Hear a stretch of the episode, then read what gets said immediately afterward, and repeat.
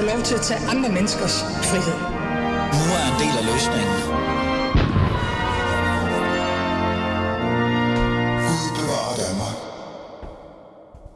Jeg er ikke i tvivl. Selvfølgelig er der en sammenhæng mellem skærmen, de sociale medier og den stigende mistrivsel. At påstå andet er i mine øjne både naivt og også at flygte fra ansvaret. Sådan sagde statsminister Mette Frederiksen i sin afslutningstale i Folketingssalen i slutningen af maj. Opgøret med skærm og sociale medier er snart, snart sagt den kommende tids store værdikamp. Og regeringen har jo nærmest erklæret krig mod tech-giganternes kyniske algoritmer, der ifølge kritikeren er skyld i social mistrivsel, hadsk tale, konflikter og polarisering online.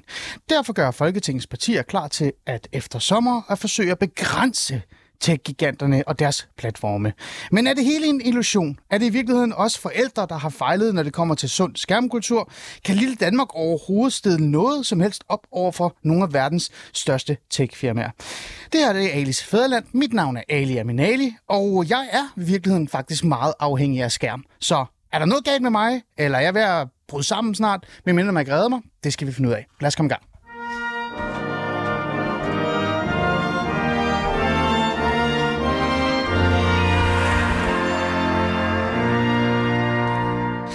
Og så kigger jeg selvfølgelig på en skærm, fordi hvad hun skulle ellers kigge på? Nå, jeg kunne jo kigge på et stykke papir, men det gør jeg jo ikke, for jeg bliver nødt til at kigge på en skærm, for det er det, jeg er vant til at gøre, for at læse mine gæsters navne op, som står i studiet hos mig. Måske skulle det have været derhjemme på Zoom, det havde måske været bedre, så kunne jeg altså kigge på skærme. Jeg ved det ikke. Men Lars Bo Andersen, du er her i hvert fald i studiet. Velkommen til. Tak for det. Og Mikkel Harder, du er her også. Velkommen til. Mikkel? Tak. Åh, oh, glemte du?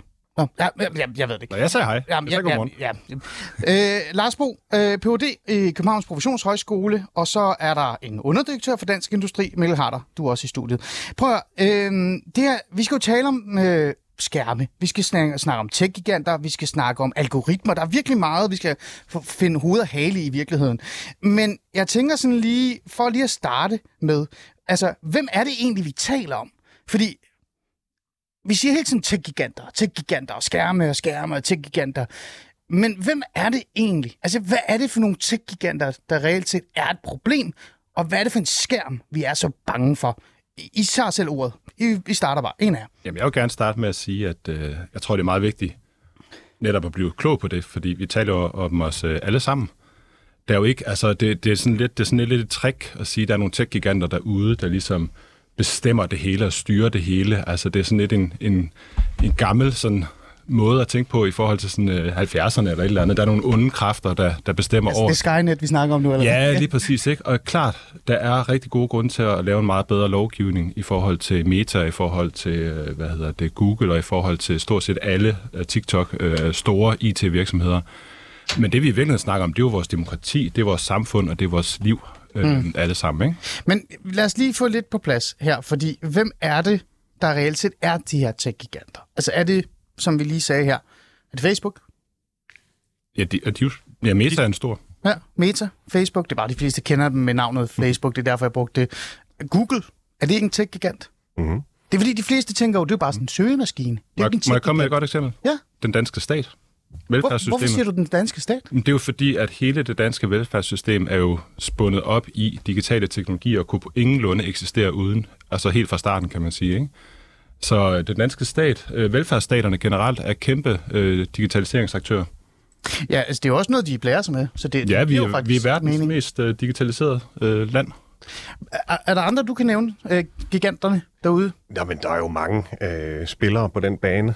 Der bliver talt meget om TikTok, øh, og, og, og, og man kunne nævne utrolig mange andre. Øh, men jeg synes egentlig, du har ret i, at det her det er sådan et... Øh, vi skal passe på med ikke at sige, at det er dem og dem og dem. Altså, vi, vi har brug for en samfundsmæssig debat om, hvordan vi håndterer det her. Hmm. Øh, jeg er selv en begejstret teknologilærd, og det har jeg været i mange, mange år. Øh, fik min første computer en gang i 80'erne og sad og, og programmerede på den. Så altså, jeg står egentlig også her og er stolt på Danmarks vegne over, at vi er så digitaliseret, som vi er. Det er jo noget, der giver os nogle forspring. Bare tage øh, coronaperioden. Altså, det lykkedes os jo at gennemføre undervisning. Øh, faktisk nærmest med et knips, øh, da, da, da børnene blev sendt hjem. Det var ikke fedt for dem, altså det er ikke det, jeg siger. Nej, men der kom vi der gjorde det dog. det. Ja. Vi, der kom noget ud af det. Ja. Og det synes jeg, vi skal glæde os over. Og øh, hver gang jeg kigger på min selvangivelse eller øh, alt muligt andet hmm. øh, papirarbejde med det offentlige, så må man jo bare sige, hold da op, hvor er det fedt at bo i Danmark i hmm. forhold til at bo i nogle andre lande, hvor øh, man skal ned med nogle tre kopier og øh, ikke rigtig ved, i hvilken rækkefølge og bliver sendt frem og tilbage osv. Det fungerer jo rigtig godt. Hmm. Og det er jo også det samme på mange måder med med, med skolen, øh, at, at øh, vi har nogle virkelig stærke forudsætninger for at, at, at, at klæde vores børn på til et digitalt samfund, fordi det går jo ikke væk, det, den digitalisering. Men vi har brug for at lige at stoppe op, og det er egentlig det, vi har været ude at sige. Øh, det her er gået meget, meget stærkt i de sidste 20 år. Altså selve, altså selve udviklingen, eller? Ja, men altså også, hvordan håndterer vi det? Fordi altså, ja. jeg som forældre har selv oplevet, at, øh, at det her er svært at, at håndtere over for børnene. Altså, hvad er det for nogle grænser, man skal sætte? Vi er jo, altså, vi, vi står jo er i vildrede om, hvad, hvad, hvad skal være øh, reglerne derhjemme. Altså jeg kan huske, noget af det første, vi talte om derhjemme, da vi fik børn, det var, om de skulle have et fjernsyn på soveværelset. øh, ja, og, og, og det fik de aldrig, fordi nej, det kunne man da i hvert fald ikke, nej. og hvorfor skulle man dog det, og så videre. Ja. Nu har de jo altså... Ja. Altså den, den diskussion er jo slut, ja. og, og der blev vi jo altså kørt af, af sporet i forhold til at tro, at vi kunne styre mm. noget her. Men vi kan gøre noget. Vi kan balancere den her udvikling. Og, mm. og det er det, vi egentlig lægger op til, at vi tager en samfundsmæssig debat om. Mm. Uh, altså, hjemme hos os, uh, hos mm. mig og min kæreste, vi har en to uh, drenge, en på fire og en på syv. Vi har stadig ikke fundet ud af, om de skal have et fjernsyn eller ej. Vi skændes stadig om det. Uh, vi kalder det skærm, uh, hvad hedder det, eller ikke skærm, uh, tv hedder det. TV-politik derhjemme, ikke? Mm. Uh, så jeg kan godt følge dig. Lad os lige se, hvad det er, regeringen så vil Altså, i virkeligheden. Nu læser jeg bare lige op, ikke? De er i hvert fald blandt andet i hvert fald øh, indføre aldersverifikation for at begrænse børns adgang til blandt andet porno og krig, øh, kontrollere tech-giganternes evne til at forudse og påvirke adfærd, indføre tidsbegrænsning for børns brug af sociale medier, og præcisere tech-giganternes ansvar for deres algoritmer. Øhm, det virkede jo i sig selv fint nok. Altså, det virker jo sådan lidt som om det der med, at man går ind og siger, okay, øh, der skal være nogle grænser et eller andet sted. Ikke? Altså, det er det. Men samtidig så kan jeg heller ikke lade være med at sidde og tænke sådan, før vi går ind i materialet og, og reelt set også taler om de forskellige ting, der er, om det overhovedet kan lade sig gøre osv. Så, videre. så jeg vil bare gerne lige starte med det der med, at det bliver også lidt solgt lidt, som at tech-giganterne, jeg har selv været imod dem, jeg har selv kritiseret dem. For eksempel, jeg hader, at mobiltelefoner overhovedet eksisterer i folkeskolen. Men tech-giganterne er blevet sådan politisk solgt som de værste syngner. Altså sådan, de er, de er de ondeste af de ondeste nærmest. Lige pludselig. Vi vågnede op, og så var de bare de ondeste. Og når jeg sidder og tænker sådan for eksempel det her med at kontrollere tech-giganternes evne til at forudse og påvirke adfærd. Det er jo ikke, fordi jeg siger det forkert, men det virker også lidt som om, det er en eller anden ond øh, magt, der sidder ude i hjørnet og, og, og forventer, at de ved, hvad vi gør ved os, og så vil de sådan få os til at gøre noget helt forfærdeligt. Ikke? Altså, vi er i deres kontrol. Øhm, er det også bare en politisk øh, hot potato? Altså det der med, det er jo bare godt at have nogen og, og være de onde. Jeg tror, jeg tror, vi har en situation lige nu, hvor at man på politisk niveau har opdaget, at man har sovet timen, og så gør man det, som man jo tit gør, så peger man kanonerne derhen, hvor der står noget meget synligt. Ja. Øh, og, det, og jeg tror faktisk også, det er rigtig fornuftigt, at man gør det. Altså kan man sige, det, det er meget velkommen det her. Men det man jo ikke gør, altså hvis der er en situation, hvor du du føler, der er noget, vi ikke har styr på, der tror måske vores demokrati, der, der underminerer nogle af de dyder, vi faktisk har i vores kultur, og vi gerne have i vores privatliv, så skal man jo sørge for at få en meget, øh, hvad kan man sige, veluddannet, velreflekteret, robust befolkning, mm. som jo også samtidig med, og som led det også ligesom kan udnytte mange af de potentialer, der er øh, i, i teknologien. Ikke? Og vi har jo en situation lige nu, hvor der er fuldstændig vant til det skåret mellem det digitale liv, som øh, børn og unge de lever, og det vi voksne går og snakker om. Vi har gjort lidt sådan, at øh, først så sagde vi, de er digitalt indfødte, vi skal ikke bekymre os. Nu siger vi, åh shit, nu er det gået galt, nu må I ikke mere vi har aldrig sådan rigtig vist interesse eller nærvær i, i, i, hvad, kan man sige, i hvad der foregår som voksen. Ikke? Nej, ja, men det, det, det skal jeg, vi begynde på. Ja, og jeg kan godt følge dig øh, i virkeligheden. Øh, men før vi går ind, som jeg sagde, og jeg stiller dig nogle gode spørgsmål lige om lidt, øh, mm-hmm. begge to, så er det bare sådan lidt vigtigt at forstå det her, for jeg synes faktisk i virkeligheden, det det handler om, det er, som du selv siger her, at man har svigtet på andre områder, og dermed kan man tage det her, som har udviklet sig hurtigere, end man havde forventet. Jeg, jeg, jeg har jo en idé om det her, det teknisk set kun handler om adgang. Altså, fordi meget af det teknologi, vi står med og arbejder med, eller har fået i vores hjem, det er noget, der har eksisteret længe. Nu er det bare blevet tilgængeligt lige pludselig for alle, og det går hurtigt, og det går hurtigt, og det går hurtigt. Og det bliver mere og mere tilgængeligt. Så det der med, at det er gået fra, at det kun var nogle få, der havde det, til at det lige pludselig er i alles hjem. Jeg læste en statistik for noget tid siden, at i Danmark var en af de lande, hvor der var mest internetforbindelse for alle, altså for folket. Det var også der, hvor der var flest mobiltelefoner og computere derhjemme, altså i selve hjemmet. Så det der med, at det lige pludselig er bare kommet hjem til os, uden at vi har sådan tænkt over det. Det har gjort, at vi er kommet i tanke om, at Nå ja, vi har jo svigtet på socialområdet, vi har svigtet på sundhedsområdet, vi har svigtet på, altså i forhold til vores ungdom, deres trivsel. Så kan vi jo bare på, at på den der skærm, der er inde i vores øh, stue, det må mm. være den skyld. Er der noget om det? Jamen det synes jeg da. Altså, vi har, øh, vi har brug for at stoppe op. Altså, en hver mønt har to sider, og øh, jeg har lige stået og talt om alle de fantastiske ting, der er ved det. Ja. Men det er klart, vi, vi er også nødt til lige at stoppe op og sige, Hvordan er det, vi, vi nu efter 20 år, hvor vi virkelig har øh, set en kæmpe udvikling, hvordan er det, vi lige får stoppet op og, øh, og, og, og gjort os nogle tanker om, hvad det her betyder for vores børn og for vores øh, samfund og for øh, vores øh, unges evne til at gå ind i fællesskab og, og, og så videre. Mm. Altså, jeg, jeg synes, det er helt afgørende at, at, at stoppe op. Så det er meget, meget forfriskende et eller andet mm. sted, ja. at debatten kommer nu. Og mm. man kan sige, at den kommer sent, men bedre sent end aldrig. Mm. Og der synes jeg egentlig, at vi øh, fra industriens side har et, et, et, et, et medansvar for at, at løfte den debat, fordi jeg er jo enig i, at, det, at, at, at, at der er brug for noget, at, at gøre noget her vi har, ser mange sådan øh, initiativer, også i nogle af de store virksomheder, mm. i forhold til at lægge øh, tidsbegrænsninger ind og, øh, og slå nogle ting fra som standard osv. Så, videre. så det er ikke fordi, der ikke sker noget. Men vi har brug for at tage debatten, og så har vi brug for på europæisk plan, fordi vi kan ikke gøre det i Danmark, mm. og, øh, og regulere nogle af de øh, mm. øh, nogle af de muligheder, der er i, i teknologien. Det er jo lidt interessant. Øh, nu holder jeg fat i det her med, at du reelt set også repræsenterer øh, dansk industri, tænker jeg øh, mm. du står her.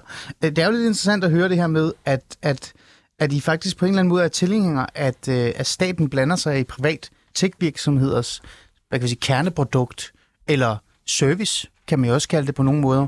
Altså jeg tænker, Aula er jo reelt set en service, ikke? Men, men det er også et produkt. Øh, Nå, men... er, det, er det det, I er? Altså, er, er det der, vi er, hvor I også selv indrømmer, Nå, men, Måske er det meget godt med noget stats... Øh... Vi, vi står på to ben i dansk industri. Det ene er selvfølgelig at skabe gode vilkår for vores virksomheder. Mm. Det andet er også, at vi har et samfund, som øh, er i stand til at, at, at, at udvikle sig på en fornuftig måde. Mm. Og når der kommer de her anbefalinger om øh, at, at, at kigge på datahøst og, ja. øh, og, og, og alt, alt det, der ligger i ja. de her anbefalinger, så kigger vi på det øh, og, og siger, at det er en nødvendig debat at tage, og mm. det er nødvendigt at, at gå til det her på europæisk mm. plan. Men er der en grænse et sted? Selvfølgelig. Okay, hvor er grænsen henne, hvor så bliver det for meget, øh, hvad kan vi sige, altså så, så blander staten sig for meget i, hvad der er rigtigt og forkert? Øh. For det kan også blive værdimæssigt. Altså, der kan også sidde nogen fra Dansk Folkeparti, der mener, at hele skal være kritik. Altså, øh, du ved, øh, jo, men der synes jeg egentlig også, at vi har været ude og sige, altså det at, at, at, at bare forbyde skærme ja. i folkeskolen, for eksempel. Ja Altså, der går vi for langt. Det tror jeg nu heller ikke, der er så mange, øh, der, der, der, der ønsker. Vi har digitale læremidler i skolen. Øh, langt de fleste lærere synes, de understøtter deres undervisning, understøtter deres muligheder for at variere ja. deres undervisning. Ja. Og det er jo helt nødvendigt, at de unge får noget med. Vi skal have et fag om teknologiforståelse men, i skolen af samme grund. Ja, ja, men så skal jeg bare lige forstå, altså, at det I siger, det er, at teknologien og tech-giganterne i sig selv er jo fine nok. Altså det, de gør, det er, at de leverer et service, en ydelse, som har gjort vores hverdag nemmere og bedre men det er okay at begrænse nogle af de øh, de ting, de gør, fordi der har bare været, altså det har været slaraffenland. Er det det, er det, det du prøver at sige? Ja, altså, hvis du kigger på anbefalingerne ja. om at lægge noget tidsbegrænsning ind i nogle af de ja. apps, som er rettet mod børn, øh, ja. og at kigge på altså, de designpraksiser, der er, altså, ja. som, som, som er meget aggressive i nogle tilfælde, øh, mm. så synes jeg, det er helt relevant. Og det der med, at, at, at, at nogle af de fastholdelsesmekanismer, som, som ligger autoplay og så videre, at man slår det fra som standard og så videre, det er nogle fornuftige overvejelser. Og så er der nogle ting, som vi skal tale meget grundigt om, før vi gør det. Altså ja. det her med aldersgrænser, for eksempel. Ja. Ja. Altså der, jeg har det lidt dobbelt med det, fordi Altså hvis vi sætter en aldersgrænse for at, at, at, at melde sig til ting og sager på nettet op, øh, så det har nogle ringe i vandet. Altså det bliver svært at få en e-mailadresse mm. for et ungt menneske. Og kan vi det? Altså, og, og, og, og, ja, der, er nogle der, ting... der, der er simpelthen nogle ting, som vi er nødt til at tale meget grundigt om, før vi bare siger hak, øh, så gør ja. vi det her. Øhm, men lad os tage fat i det, men nu ved jeg ikke, hvorfor jeg peger på det, men det gør jeg bare, fordi han har talt meget nu. men, men lad os lige tage fat i de der begrænsninger, som man så lægger op til. Ja. Øh, for eksempel det her med, at der skal være aldersverifikation øh, for at begrænse børns adgang til blandt andet porno og krig. Altså, det gad jeg virkelig godt at se, hvordan man kan indføre det. Altså, med al respekt. Med den yeah. viden, jeg har omkring selve internettet og adgang til forskellige ting. Altså selve verificeringen, jo jo, du kan da godt kræve, at der er nogen, skal, skal vi så have nem ID login på alle sociale platforme? Er, er det Ja, det, altså, de er jo- tænker? altså, Altså, der altså, er jo, jeg tænker, øh, der er jo ikke andre muligheder. Er der det? Altså, der, er, der, er, der findes nogle løsninger, og jeg er simpelthen ikke øh, vidende nok om de løsninger til at vide, hvor, hvor gode eller ikke gode de er. Ej, jeg kan fortælle dig, at de er ikke gode nok, for du Nå, kan altid gå rundt om dem. Du kan altid lave en Ja. ny e-mail med et andet navn og et jeg andet tror, begrænsning. og jeg, tror, jeg tror, vi skal skille tingene en lille smule ad, ikke? fordi det, der jo ligesom er problemet, det er jo, at digitaliseringen den kommer jo ikke kun fra tech-giganterne, den kommer alle steder fra. Ikke? Og noget af det, der jo sker, det er, at børnene jo netop, som du selv siger, de har jo haft let adgang til alt muligt, som vi voksne slet ikke har interesseret os for. Så det har de blandt andet brugt til at skabe også rigtig mange positive ting. Ikke? Altså mm. sunde fællesskaber i Minecraft, de går hjem og har legeaftaler på tværs i klassen. Ikke? Og Sindssygt, ja. og så går de også ind og ser alle mulige problematiske ting på YouTube og så videre, ikke? Og noget af det, der jo ligesom er øh, interessant her, det er jo for eksempel, at der er jo rigtig mange børn, der kommer på sociale medier, før de bliver 13, med deres forældres velsignelse. Mm-hmm. Ikke? Spørgsmålet er, om det er godt eller skidt, og det ved vi jo faktisk ikke, men det jeg bekymrer mig om, og det som vi bekymrer os om på KP, det er, er der en pædagogik til stede? Og det, Altså blandt Altså hos- for, for når du som Voksne? For, ja, ja, når du, som, Forældrene? når du som forældre, når vi som samfund har en de, debat omkring, hvad skal børnene med skærme? Først skal vi ja. at bruge det ord, det, er sådan meget, altså, det betyder jo ikke rigtig noget. Det er et Nej, jeg forstår ord, det ikke? faktisk heller ikke. Det er et fladt ord. Ja. Når nu for eksempel et barn kommer, må jeg komme på Snapchat? Ja. Nej. Så har man en masse bekymringer, men vi har faktisk ikke ret mange værktøjer til at vide, om det egentlig er godt eller skidt, eller hvorfor. Og der er trin 1, der er jo, hvad kan man sige, vi får en mere sådan, øh, øh, pædagogisk velfunderet mm. befolkning, hvor vi siger, okay, men jeg ved faktisk ikke, må jeg følge med mm. de første fire måneder, du er på, eller du må bruge min konto mm. sammen med mig, ikke? Og så er det jo, hvad der sker i skolen, ikke? Og det, der ligesom er, er problematisk, Ja. øh, især det er, jeg tror, det er børns vilkår, der laver nogle studier, når det så brænder på for eksempel børn, så har de ikke nogen at henvende sig til. Fordi de mangler voksne tillidspersoner. Ja. Det der med, at Hvad mener du med brænder på? Ja, for eksempel, hvis de oplever en digital krænkelse, ikke? Ah, Så, tænker, så kigger de ikke op og tænker, min lærer, der render jeg lige hen, eller min Nej. et eller andet, ikke? Nej, okay. De henvender sig måske til en kammerat eller noget, Ja. ja. ikke? Så vi har lidt parallel virkeligheder her, mm. hvor det med, med aldersbegrænsning og sådan noget, det er jo super vigtigt. Jeg tror, det er en god idé at lave bedre, øh, hvad hedder det, øh, øh, regler for det. Men hvis vi ikke har voksenkontakten med børnene, mm. så nytter det ikke ret meget. Mm. Vi skal også tale om algoritmer senere, men jeg tænker, en, grunden til, at jeg siger algoritmer nu, det er, det er en af de ting, man godt kan, og sådan helt legitimt sige, der er det måske gået lidt for vidt, og høstning af data osv. osv. Der er det også gået for vildt. Tredjepartner og salg og så videre af andre folks informationer, der er det også gået for vidt. Der kan man også gå ind og kigge på nogle restriktioner. Jeg kan bare ikke lade være med at sidde her og tænke, og det kan være, det er mig, men nu siger jeg det, at nogle af de her ting, der bliver sagt, regeringen vil gøre, indføre aldersverifikationer, fordi de gerne vil begrænse børns adgang til porno og krig, kontrollere tech evne til at forudse og påvirke adfærd, så børns adfærd, tidsbegrænsning for børns brug af sociale medier, ikke? Alle de her ting, jeg sidder og læser, fjerner algoritmerne, alt det her, det er jo noget, forældre bare selv kunne gøre, hvis de gad. Der findes apps, man kan installere på sin iPad, der tidsbegrænser adgangen til appen. Til appen. Det kan det, det findes. Jeg har det selv. Sociale medier. YouTube har YouTube. De har YouTube Kids. Jeg kan blive ved. Der er mange ting. Porno og krig. Ja, dit barn skal ikke sidde til porno og krig. Men da jeg var, undskyld, nu siger jeg det ærligt, jeg er en dreng. Det vil jeg gerne erkende. Altså, da jeg var 11-12 år gammel og fandt min fars pornobøger et eller andet sted, så sad jeg der og kiggede i dem. Altså, jeg døde ikke af det. Det kan godt være, mærkelig den dag. altså, men det er jo, det her, det er jo bare forældreegenskaber, der er gået fuldstændig rablende galt. Og så kommer staten og skal være forældre for vores børn, fordi forældrene ikke selv kan finde ud af det. Er det hvad? Undskyld, jeg spørger virkelig. Øh, det- øh, Jamen, lad, mig, lad os høre. Dansk Industri, ja. Altså, eller øh, nu- er staten nu- blevet vores forældre, fordi vi ikke selv er idioter? Undskyld, jeg siger det til det her. Jamen, altså, det her det er den vigtigste samtale, vi kan have lige nu. Det, det, det, det, det, det, lad os lige starte der. Altså, vi har som forældre et kæmpe ansvar øh, for at, at, at, at holde øje med, hvad vores børn går og laver, og også give dem det frirum, de skal have. Øh, det synes Ja, ja, jeg også er vigtigt at sige. Ja, ja. Se pornokrig, for eksempel. Øh, men, men jeg synes, altså det, som jeg synes er positivt ved alt det her, er, at nu får vi debatten. Nu sidder vi her, eller Ja. står. Ja, ja. Øh, og, øh, og jeg synes, at, øh, at opmærksomheden på, at der er nogle udfordringer i det her, den er velgørende. På alle måder. Altså, mm. det, det, det, vi har manglet den debat, mm. og, øh, og vi, jo, vi har bare kastet os ind i, i, i, i, i, i alt det her. Jo, jo, men uden at står tænke her og repræsenterer dansk industri med al ja. respekt. Ja. Det her, det er jo ikke en debat, der bliver startet. Det her det er regeringen, der vil indføre altså, kontrol af vores børn, fordi vi ikke selv kan finde ud af at være forældre. Altså, jeg sidder sådan, og nu bliver min borgerlighed også lidt ramt. Lidt. Altså, sådan, staten går jo ikke ind, altså regeringen går jo ikke ind og siger, lad os tale om, om børn har for meget adgang til børn, og- altså porno og krig. Lad os tale om, hvorfor børn måske bliver påvirket af sociale medier. Burde børn overhovedet være på Snapchat overhovedet? Og så videre, og så videre. Det er jo ikke den dialog, de vil have. De siger, nu går vi ind og begrænser det for jer, for ikke selv finde ud af det. Altså, er det ikke lidt... Kan man ikke sidde som den industri og sige, jo jo, men det her, det er for voldsomt? Jamen, altså, det her er svært. altså, jeg ved det, så. og, øh, Også derfor, jeg og, og lidt. vi, vi har faktisk kastet os ind i det her. Øh, det, jeg ja. håber, du lagde mærke til, at vores direktør, Lars Sandal Sørensen, var ude her i Berlingeren Jamen, for nylig. ja. Ja, ja. Og, øh, og, og faktisk sige nogle rimelig Ja. øh, klare ting om, at nu vi bliver nødt til som samfund at tage debatten og tage skeen i den anden hånd og se, om der er noget, vi kan gøre. Han har peget på sådan noget som mobiltelefoner og sociale medier i skoletiden. Ja, ja. Og øh, altså, jeg synes, der er brug for, at vi sætter nogle rammer. Det gør vi jo også på andre områder. Altså, der er også andre ting, som staten har besluttet for os, om men det er jo, man jeg, ikke må. synes, jeg synes bare, det er meget vidtgående. Altså, er vi, er vi alle sammen fædre her? Jeg er i hvert fald far. Mm. Ja.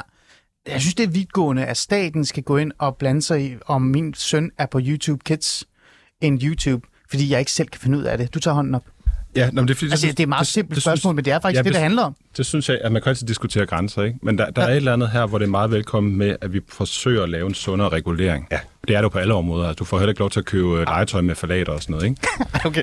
Øh, men der er et eller andet, og det var en dårlig, fordi det- jeg vil egentlig komme med et positivt argument. Altså det, Ja. ja. der ligesom er helt mærkeligt i et dannelsesland som Danmark, det er, at man siger, okay, vi har noget, hvor vi har sovet i timen. Ja. Det er noget, der påvirker vores allesammens liv, børnenes liv. Ja. Kom, lad os lade være med at uddanne i det. lad, os, lad os lave noget slem lovgivning og slå på nogle fjerne aktører i Det stedet har du for. faktisk ret i. Ja. Det, det er så paradoxalt, ikke? Og jeg synes, øh, nu vi, vi har jo, øh, hvad kan man sige, Ja. ja. en fælles interesse at, i at snakke uddannelse op, ikke? Men jeg synes, der er et eller andet i, at vi har et, en situation, hvor børn allerede lever et liv, vi ikke kender. Mm. Så den uddannelse, vi skal have, det skal jo heller ikke være sådan en til om 50 år.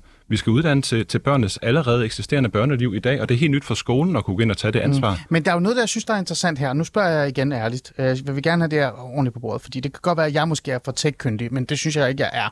Øh, Og jeg tænker, at min treårige, som lige netop er blevet fire år, der kigger, på YouTube, eller YouTube Kids, ser noget, han ikke kan se, og kommer hen til mig og siger, far, jeg kan ikke lide det der. Mm, Det er spooky. Kan du tr- sørge for, at det ikke kommer igen? Og så trykker jeg på blok, så forsvinder det. Altså, er det her, handler det her ikke om, at vi skal danne de voksne, og ikke børnene? Fuldstændig enig. Altså, fordi vi snakker bare om, at vi skal danne de, de børnene, vi skal give dem øh, digital dannelse i folkeskolen. Og Undskyld mig, det er jo ikke folkeskolen, de ikke kan finde ud af, øh, hvad der sker. Jamen, der er en rækkefølge der, ikke? Hvad er man, før man bliver voksen?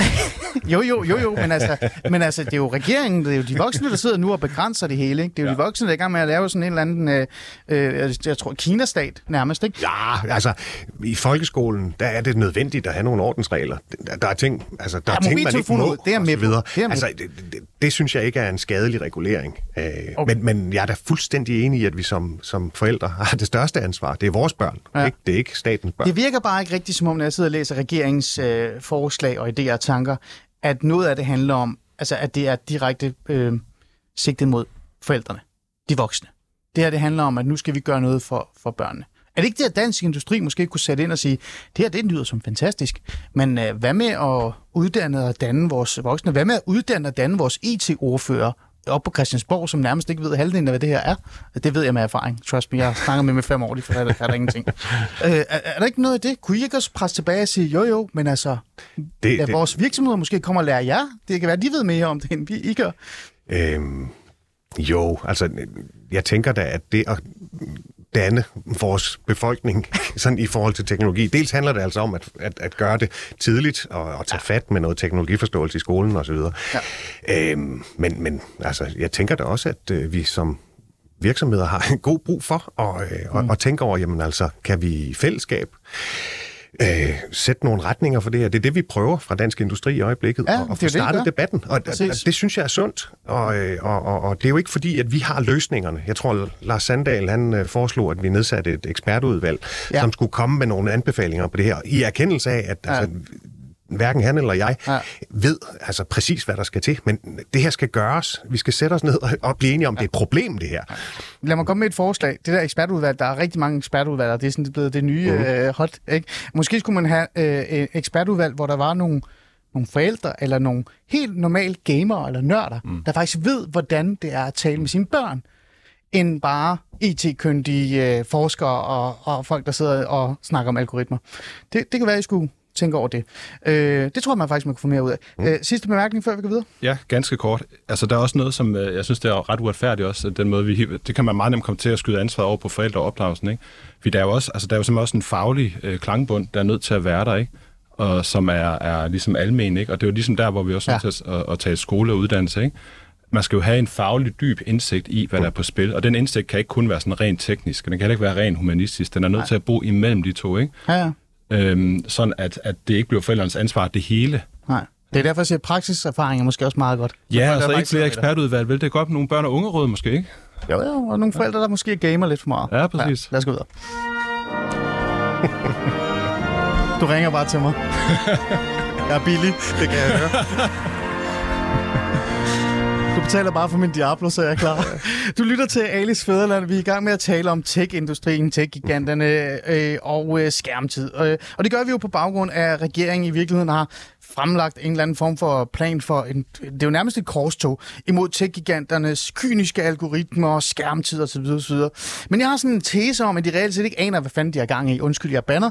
Øh, men fordi det er komplekst, og det er i bund og grund handler det om, der er nogle ting, vi har misset, vi har ikke forstået, det er gået lidt for hurtigt, og nu står vi her og skal gøre et eller andet ved noget, vi ikke rigtig ved, hvad er. Vi har talt lidt om det generelle, synes jeg. Altså, sådan, hvad er det, der er op og ned i det? Hvad er egentlig problemet? Og er det egentlig okay, at staten lige pludselig skal være forældre for os alle sammen, fordi vi ikke selv kan finde ud af at være forældre? Det er der, vi er. Nu skal vi sådan, øh, blive ved med at snakke om det, men vi skal have en ny gæst ind i studiet. Stine, er du med? Jeg er med. Stine Liv Johansen. Du kan høre mig? Ja, jeg kan. Fantastisk. Kan du lige fortælle, øh, hvilken kasketter du har på hovedet, så kan de andre lige tage headset på? Eller det har de ja, jeg er lektor på Aarhus Universitet og øh, har forsket i børn og unges øh, liv med, med medier, også før de var digitale, øh, i, øh, i rigtig mange år efterhånden. Perfekt. Stine Liv Johansen, du er den perfekte person at spørge så det her spørgsmål. Er online digitalisering af børns liv gået for vidt?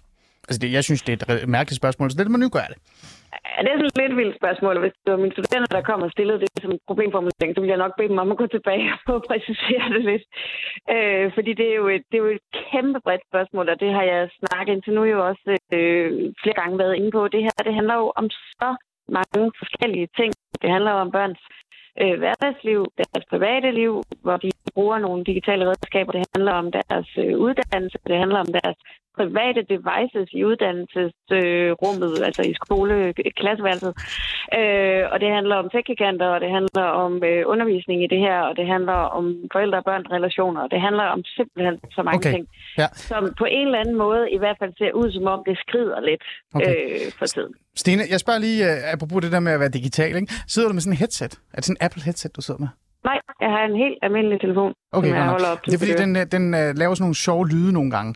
Uh, Nå, Men det gør okay. ikke noget. Jeg, jeg sørger bare for at, uh, at uh, at klippe lidt. Det skal du ikke tænke på. uh, men jeg vil stadig godt høre dig.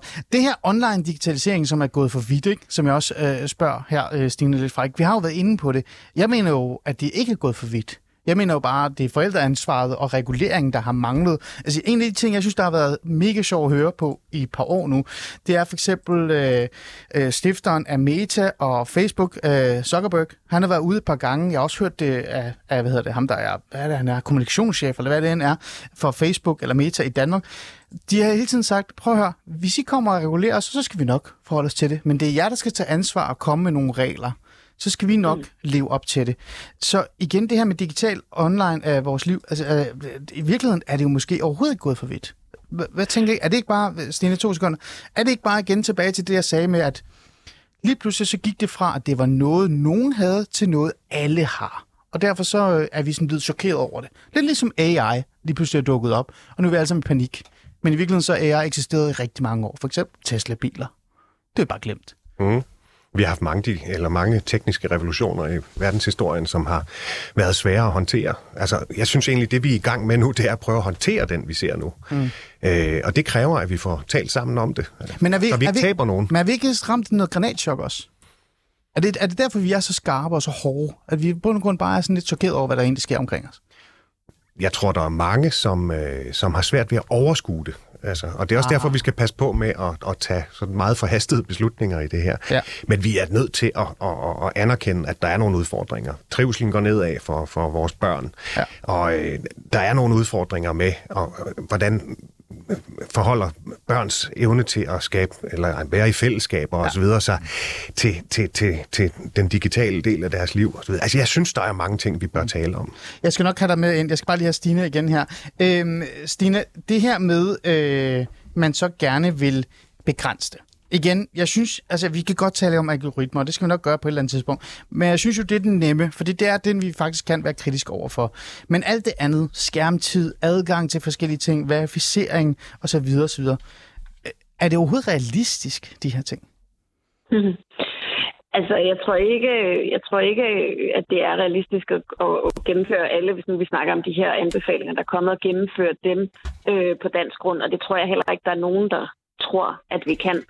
Øh, det kan godt være, at det lyder sådan lidt i politiske skåltaler, at nu er det ligesom det, regeringen sætter ind med, men det er jo noget, som skal foregå øh, for rigtig meget, øh, rigtig mange af de her anbefalinger vedkommende ja. øh, på EU-niveau. Men altså, derfor kan vi jo godt have en, øh, en diskussion, og der, jeg synes jo også, der er nogle forslag, der, der er i, som er meget sådan, øh, spændende at prøve at tænke til ende. Altså netop det her med Øh, øh, nulstillelsesknappen og tidsbegrænsning og sådan noget. Det, det er jo egentlig meget spændende at tale om, men der er der helt klart også ting, som, som man må sige, det, det, det kan simpelthen ikke lade sig gøre, og det er nok lidt at stikke os alle sammen blå i øjnene, hvis vi tror, at det er den måde, vi kan løse de her problemstillinger men, på. Men Stine, Stine, er det spændende at tale om? Fordi altså, det var det også dengang, vi havde en diskussion om frikadeller. Det var også spændende at tale om, for det er jo noget værdipolitisk. Så er det her spændende at tale om, eller gør det nogen form for nytte? Du nævner det der med begrænsning for eksempel, ikke? Øh, mm. Der er en app, du kan downloade nu. Her, i dag. Mm. Lige om lidt. Mm. Det behøver jo ikke statens... Ja, men, men der, der ved vi jo, og det har vi, det, det har vi jo altså, kunne se i undersøgelser igen og igen i de sidste mange, mange år, mm. at det gør folk ikke. Altså det gør folk, som folk er flest. Det gør de ikke. Og øh, jeg lavede en rapport tilbage i 18, hvor vi kunne se, at forældre var fløjtende ligeglade med, hvilke data, der blev indsamlet på deres børns... Øh, på de apps, de downloadede til deres øh, femårige børns iPad. Så så, det gør man ikke. Øh, og ah. derfor så giver det måske nok mening, at man, man siger, at vi, vi prøver ligesom at bygge det ind i systemerne øh, og lave det, man kalder privacy by default, i stedet for, ja. øh, at det er noget, folk ligesom selv skal tilvælge. Og vi skal jo også huske på, at vi sidder jo rigtig mange af os øh, på, på, øh, på alle mulige måder og sidder i et lidt privilegeret øh, hjørne, som er dem, som, som har ressourcer til at øh, både vælge til og vælge fra for vores børn. Og der er altså både øh, de familier, hvor, hvor det her det aldrig nogensinde vil blive en diskussion, man kommer til at tage, og der er altså også de familier, hvor livet ikke rigtig kunne fungere, hvis mm. ikke det digitale var en del af det. Ikke? Okay. Æ, Eller Stine? de børn og unge. Så, så, så, det, så det bliver også nogle gange en lidt sådan, ja. en lidt sådan øh, elitær øh, diskussion, vi har. Ja, øh, jeg kan love dig for, at jeg ikke er elitær. Jeg er så provins, du overhovedet kan være. Det behøver man heller ikke, det behøver man heller ikke at være for at tage elitær det, var, det var faktisk, Stine, det var bare for sjov. det var for sjov. Men så lad os prøve at være lidt konkret. Og det her det er faktisk lidt sjovt, synes jeg. Nu leger vi en leg. Fordi at, at det er, øh, man sidder faktisk overfor, jeg har jo sagt, jeg er jo ikke journalist, jeg er jo bare en eller anden mærkelig menneske, der har fået en mikrofon i hånden, så jeg er blevet journalist. Men jeg er hardcore gamer. Jeg har været gamer siden jeg var, jeg ved det ikke, altså otte år eller et eller andet mm. nærmest, ikke? Og jeg har virkelig bevæget mig meget rundt i de digitale øh, verden, og så videre, og så videre. Og det har jeg også lært mine børn, og mine børn har selv lært det. Så man kan ikke rigtig sådan få mig til at tro, at der er et eller andet, der er rigtigt eller forkert. Øh, for jeg har selv siddet det med praktisk erfaring. Så nu prøver vi lige konkrete tiltag, som i virkeligheden kan gøre noget. I stedet for, for jeg føler lidt, vi er også lidt derhen af, hvor vi sådan siger lidt, jamen vi kan jo heller ikke få danskerne til at stoppe med at ryge smøger, så derfor så skal vi forbyde alle smøger. Øh, så konkret et eksempel på noget, vi kan indføre i morgen, der gør, at forældre, som ikke er ligesom mig, lige pludselig øh, har en sundere tilgang, eller deres børn har en sundere tilgang til alt det her. Øh, Stine, vi starter med dig. Et konkret eksempel. Jamen, det er simpelthen, at det er ikke noget med at skrue på nogle knapper. Det er simpelthen at, at begynde at tale om de her ting på en anden måde og sætte ind med massiv oplysnings- og uddannelses... Hvad, hvad betyder det? Hvad betyder det? Jeg siger konkret. Altså, er det en ja. oplysningskampagne, lidt ligesom... Jeg kan huske den der splat, ja. der var engang, hvor vi alle sammen skulle lære ikke at køre til højre uden at kigge på cyklen. Så lå der sådan nogle ja. splat-mærker på, på jorden. Er det sådan noget der? Ja. Ja, det er det. Og det er der jo også øh, tiltag, der både lige er sat i værk og er på vej i forhold til sådan øh, okay. øh, forældreindsats. Men, men at begynde at tale om det her som noget, som vi faktisk kan gøre noget ved, også gennem oplysning og uddannelse, det tror jeg vil ændre øh, præmissen for den her diskussion til noget, der var meget mere positivt og konstruktivt. Okay. Det var et idé. Lars, ja. konkret. Kom med det. Så skal det handle om øh, ulighed, ikke?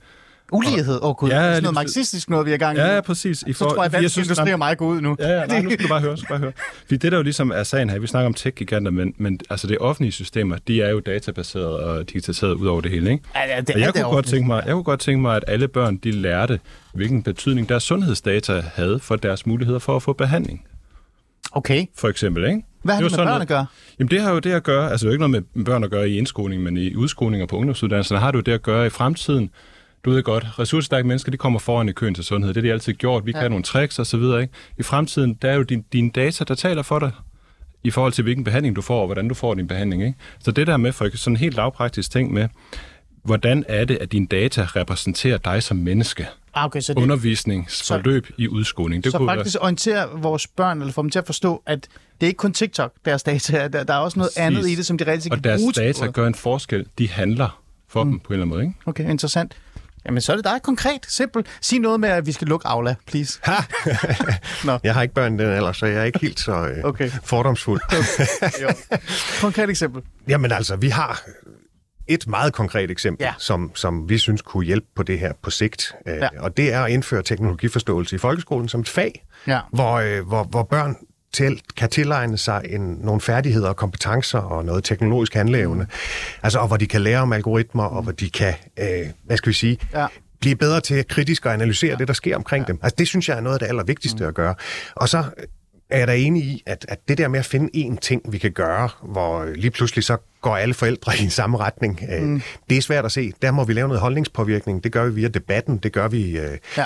via den øh, samtale, man har på skolen omkring klasserne med forældrene om, hvordan tænker vi det her. Mm. Altså, det er en kæmpestor øh, forandring, vi skal, vi skal stå for her. Ja, ja. altså du, der, du, du lagde faktisk noget ansvar på mig og sagde, nu skriver du alligevel så mange klummer, skriv noget om det her. Det, det sagde du ikke, men det tænker jeg i mit Det hoved. synes jeg faktisk, det vil være en rigtig god idé. Ja, men det tror jeg også, jeg skal gøre. Jeg skal gøre. Men Stine, lige tilbage til dig, før vi siger tak øh, øh, for den her gang. Øh, information bedre viden omkring, hvad ens data og ens digitale adgang kan, kan gøre for ens sundhed, for eksempel, men også bare generelt alt andet. Og også sådan dannelse, uddannelse, så vi igennem generationer, og jeg tænker også, børn smitter også af på deres forældre, mm. kan få en bedre og forståelig tilgang til det. Nu spørger der så om noget tredje. Stine, er alt det her ikke fuldstændig ligegyldigt? Hvis vi har en regering og en stat, der siger, nu skal vi begrænse det hele, fordi vi kan ikke vente, og I kan ikke finde ud af det. Fordi, uh, her se vores børn mistrives på grund af skærm. Er det ikke lige meget så? Altså, det vil jo, jeg vil jo være en dårlig vidensarbejder, hvis ikke jeg så mod, forsøgte at modarbejde den, øh, den forestilling. Det viser sig jo faktisk fra undersøgelser, at børn og unge, som har oplevelsen af, at de selv kan være med til at styre øh, deres digitale liv, de mm. trives mm. meget bedre med deres ja. digitale liv. Og børn og unge, som oplever, at jeg kan alligevel ikke gøre noget for de ekstreme kræfter og algoritmer og mm. dopamin og alt sådan noget, de trives dårligere. Så, så vi kan faktisk gøre noget. Altså, vi kan faktisk gøre noget ved mistrivselen, også af den vej rundt.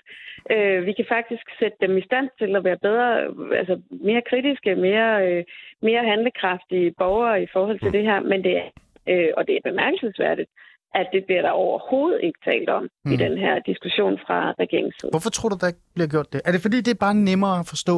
Altså, det er altid nemmere at forklare forbud og begrænsninger, eller hvad? Altså, eller er det fordi, ja, nu spørger det... du noget ærligt, er det også fordi, du måske ikke selv forstår det?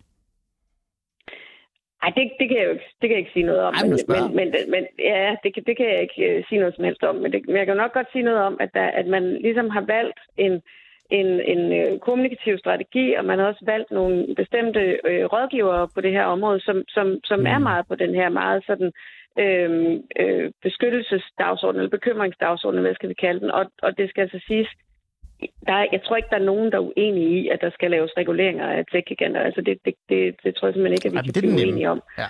Ja, men det er den nem. Men, men, men den er den svære, den her. Og hvorfor den ikke er der, mm. det er jo øh, ja, det er jo bemærkelsesværdigt. Måske fordi den ikke er helt gratis, fordi den koster en hel masse efter videreuddannelse. Mm. Øh, men, øh, men, men hvis man synes, det er så stort et problem, så er det jo mærkeligt, at man ikke har lyst til at sætte det ind på det, som skal til for at løse problemet. Mm. Stine Liv Johansen, tusind tak, fordi du vil være med og sætte lidt ord på, øh, på det her med, øh, om det overhovedet er realistisk at afskaffe øh, de her skærme. Øhm, tilbage øh, til studiet. Øhm, I virkeligheden, du markeret?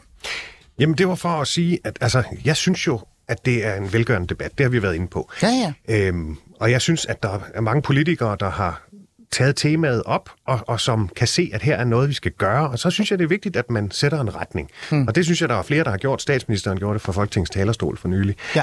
Og jeg synes, der er ting, vi kan gøre. Altså, jeg har det, og, og det har vi jo sagt fra DI's side, sådan at det med uvedkommende skærme i undervisningen, for hmm. eksempel, mm. eller det, at elever går på sociale medier i undervisningen, ja. hvis det ikke har noget med undervisningen at gøre, luk for det. Altså, ja. hvor svært kan det være? Altså, mm. det, det handler om ro i klassen, det er egentlig, mm. det er egentlig ligger lige for, og der har mange skoler har jo lavet øh, ordensregler og så videre, som, som, som kigger på det. Ja, det har Ganske mange, men der er også nogen, der ikke har, og, og, og, og, og der synes jeg, at vi, vi som samfund er nødt til at sige, okay, vi har nogle forventninger forventninger om, at øh, der er ro i klassen, og at der er fokus på undervisningen mm. osv.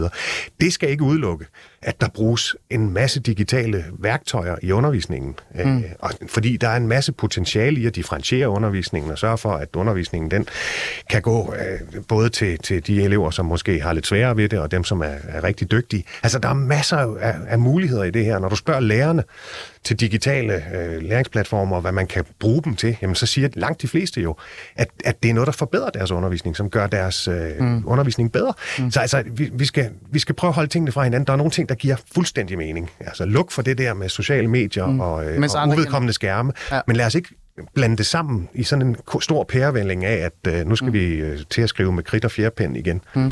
En lille anekdote, bare også for at tale om det der med lighed, altså sådan øh, ulighed og så videre, så videre og, øh, og adgang øh, i bund og grund også. Øh, jeg har jo været socialrådgiver, og jeg er jo teknisk set stadig socialrådgiver, nu er jeg bare blevet det her mærkelige ting. Øh, jeg har jo haft rigtig mange, som har været på bunden af samfundet, som gerne vil tage en uddannelse, er kommet på uddannelse, øh, men ikke har haft råd til at købe alle de bøger, der er på en pensumliste.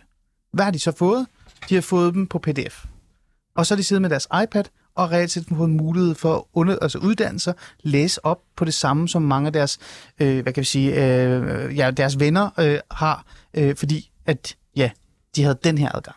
Så man skal også lige huske på, det der med at fjerne den her digitale tilgang til livet, altså, det begrænser os rigtig, rigtig meget, mere end vi tror. Altså, det har faktisk åbnet op for rigtig mange muligheder for især øh, bunden af samfundet. Fuldstændig enig. Altså, i digitaliseringen og, og, og internettet osv. ligger jo en kæmpe demokratisering af adgangen til viden. Mm. Altså, der var en gang, man talte om at komme fra et hjem med klaver. Øh, det betyder sikkert også et hjem med bogreol. Ja. Øh, og, og, og, og den forskel, som, som forældrenes, hvad skal vi sige, sådan uh, udgangspunkt gør mm. for unges muligheder, der er jo altså sket en kæmpe ud, uh, udvikling, hvor, hvor vi via de digitale medier, via nettet osv., jo faktisk har demokratiseret adgangen til viden, som du siger. Og det skal vi være totalt glade for. Og det ja. må vi selvfølgelig ikke lukke for. Det er ikke det, jeg taler for. Nej, og det, men jeg er lidt bekymret for det. Det tror jeg, at regeringen ikke selv har fattet. De er måske er i gang med at gøre. Jeppe Bundskov, velkommen til. Du skal nok få... Tak skal du have. Øh, Jeppe, kan du lige fortælle os, øh, hvem du er, hvilken kasketter du har på? jeg har mange kasketter på. Solen skinner. Øh, jeg er professor i dansk didaktik på øh, DPU Aarhus Universitet øh, og forsker i øh, teknologi i undervisning. Har gjort det i øh, 20 år godt og vel efterhånden. Og, øh, og det er jo perfekt, du kommer ind nu, fordi det var det, vi sådan sidst begyndte at tale om nu, at det her med, at skærme i sig selv ikke er jo problemet. Skærme kan gøre, altså man kan gøre brug af dem på rigtig, rigtig mange måder, øh, især også i skolen og så videre, så det er også en måde, man kan spare penge på. Altså, bøger koster mange penge. Øh, PDF, en skærm i klassen, det giver også noget. Så Jeppe, øh, hvad er egentlig din holdning og tilgang til hele den her idé om, at selvfølgelig skal vi have en debat om det, men at man også skal regulere så voldsomt, at man nærmest føler, at regeringen er på et korstog. Hvad tænker du om det? øh, det jeg, jeg blev enormt glad, da jeg hørte øh, øh hvad det, erhvervsministeren støtte fuldt op om den her ekspertgruppe, der havde foreslået en lang række reguleringer af tech-giganterne. Fordi det synes jeg er den helt rigtige vej at gå. Altså øh, den, den anden vej, som der har været rigtig meget tale om, at regulere børnene og øh, øh, skolerne, øh, synes jeg er den forkerte vej at gå. Altså, Hvorfor der er det? nogle virksomheder, jamen, der er nogle virksomheder, som har lavet nogle forretningsmodeller, som, øh, som erhvervsministeren kalder kyniske, og som blandt andet handler om fastholdes, fastholdelsesmekanismer, som handler om at manipulere øh, brugere og sælge øh, brugeres handlinger til højstbydende. Mm. Øh, og det er de virksomheders forretningsplaner, øh, øh, planer, som skal, som skal reguleres. Det er dem, som vi bør være meget, meget mere kritiske overfor, end vi har været hidtil. Mm. Altså vi er ligesom, vi i Danmark ekstremt tillidsfulde, og det er simpelthen så godt. Mm. Men når der kommer amerikanske virksomheder, eller globale virksomheder, som øh, ikke fortjener den tillid, så skal Mm. vi lære ikke at have den tillid. Og nu, har vi, nu tager vi den her snak om algoritmer og data og, og nud- nudging, hedder det jo faktisk også i virkeligheden, og så videre og så videre. Ikke? Øh, Jeppe, hvad er i din forskning, øh, øh, hvad er det der, altså i din forskning, der er overbevist dig om, at øh, her skal staten faktisk gribe ind over for tech-giganterne? Nu, nu tager vi fat i tech-giganterne, ikke alt det der andet der. Øh, jamen, det, er- altså, man kan, det, det, som min for, det, som min forskning går ud på, det er, har været at finde ud af, hvordan kan vi bruge øh, teknologier til at skabe en mere elevcentreret, elevaktiv, undersøgende, samarbejdende, producerende undervisning. Så på den måde har jeg langt den ad vejen øh, set en masse positive muligheder i teknologi. Mm. Øh, men det jeg også har set, det er øh, en, øh, en, en øh, altså du sagde, at det var besparende, og det er det jo ikke. Der er nogle virksomheder, som har rigtig store økonomiske interesser i, at vi bruger teknologi. Og vi, i Danmark har vi været meget, meget, meget teknologioptimistiske, Mm. og er jo øh, langt den ad vejen det mest digitaliserede samfund, og, og i, i en undersøgelse, som jeg også er dansk leder af, øh, som er international, Ja. der kan vi se, at, at Danmark er det land, der har højst integration af IT i undervisningen. De dygtigste elever, mm. når det kommer til at bruge IT og så videre. Så, så vi har, der er meget positivt at sige, men, vi, men der er også det, så at, at der er nogle interesser, Mm. som vi har været alt for positive overfor. Ja. Jeppe, konkret i din forskning, Mhm. mm-hmm. hvad er det, du, sådan, hvis du skal pege på én ting, virkelig konkret, så alle kan forstå det. Også den gode almindelige øh, borger, der kører lastbil og hører Aglis Fæderland, fordi han er sund for mand fra provinsen. Det, der er faktisk mange af dem. Det siger det bare. Ja, det er også. Så, så kan du komme med et konkret, simpelt ting, så vi kan forstå det? Her, hov, der var noget af din forskning, der pegede på det her. Det, det, det, det skal der gøres noget ved. Øh, det er simpelthen... Jamen, det er der. Altså, et konkret ting er, at når vi, når vi undersøger, hvad elever kan øh, hvad hedder det, øh, i forhold til at, at gennemskue øh, manipulation på internettet. Ah. Når vi stiller dem spørgsmålet, her er en, en, en, øh, hjemmeside for en pille, som, Ja. som øh, hævder at løse alle problemer, og her er et billede af en professor, som siger, at det er en god pille. Kan du, kan du så have tillid til, til, at det er en god pille? Mm. Og eleverne siger i ekstremt stort omfang, ja, det er jo en professor.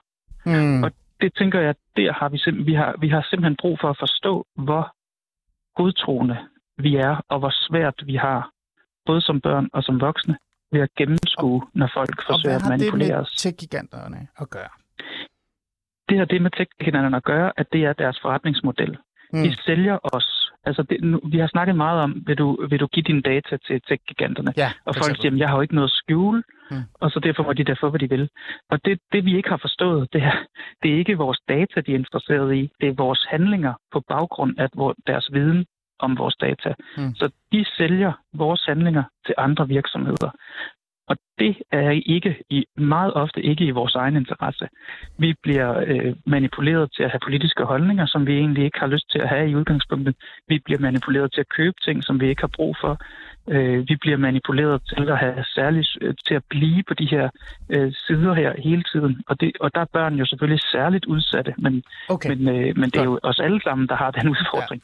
Og det vi, øh, nu tager jeg lige studiet lige her hurtigt, øh, for vi skal også lige nå an- noget, noget andet. Det er vi jo enige om, at det er jo egentlig de store problemer, ikke? Og det er jo det der med, vi har snakket om, at det nærmest har været en slaraffenland. Det har været the wild west.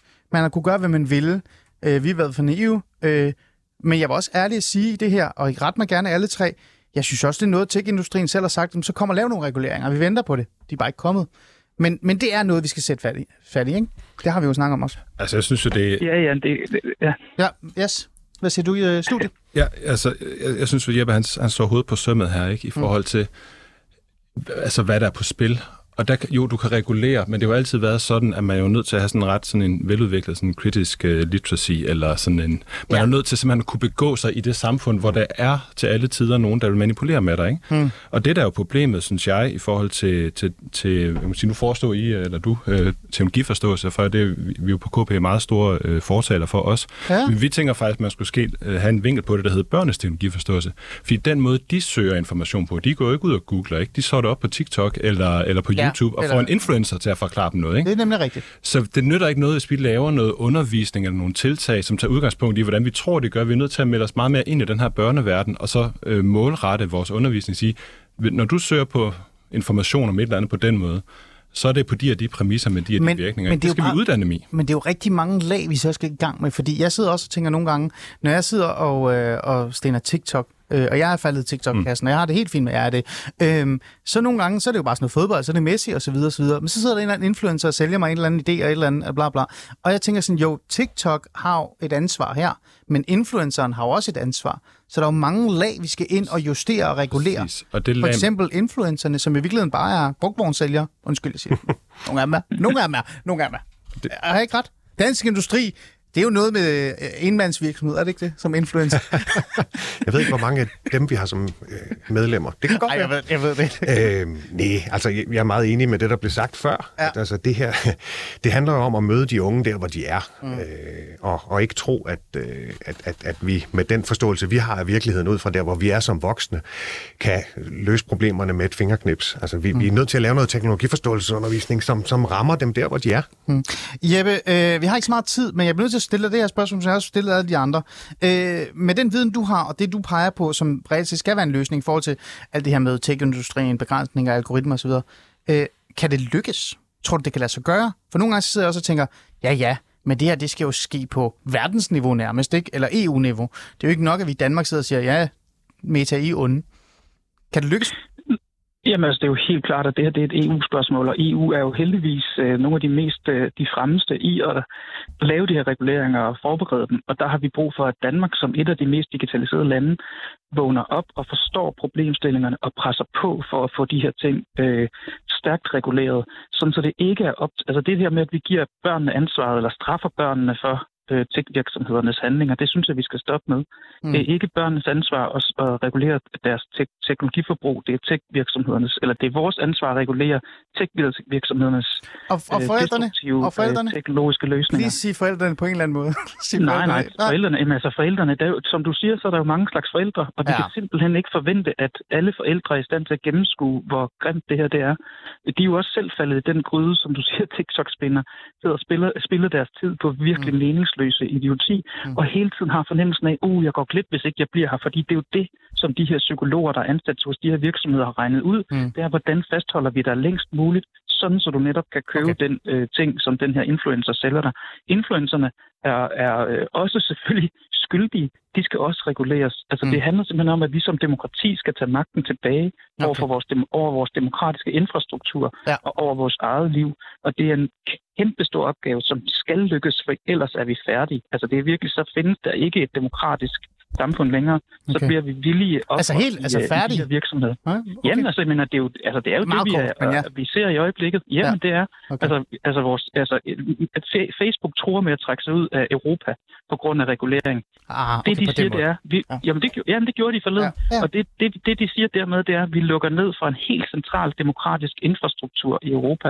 I Europa bør vi vågne op og sige, okay, hvis man overhovedet kan være i nærheden af det, ligesom Elon Musk, som har købt Twitter, Ja. hvis vi kan være i nærheden af den situ- situation, at vi får destrueret store dele af vores de- de- øh, demokratiske infrastruktur, Mm. så bliver vi nødt til at finde alternative løsninger, okay. sådan så, så vi ikke er afhængige af de her virksomheders for godt befindende. Ja. Øh, det er et så helt de andet program, og det, det skal vi lave, Jeppe. Det tror jeg, vi skal. Jeg, ved du hvad?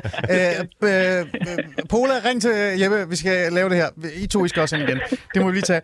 Øhm, det må være de sidste ord for i dag. Jeg havde faktisk også øh, lidt øh, tænkt mig at skælde os alle sammen ud, fordi vi aldrig ringer til hinanden, og vores hjerne er faktisk ved at forsvinde for emp- empatiske evner. Øh, det nåede vi ikke. Men øh, det er jo fordi, jeg gerne vil skille forældre ud. Det vil jeg altid gerne have.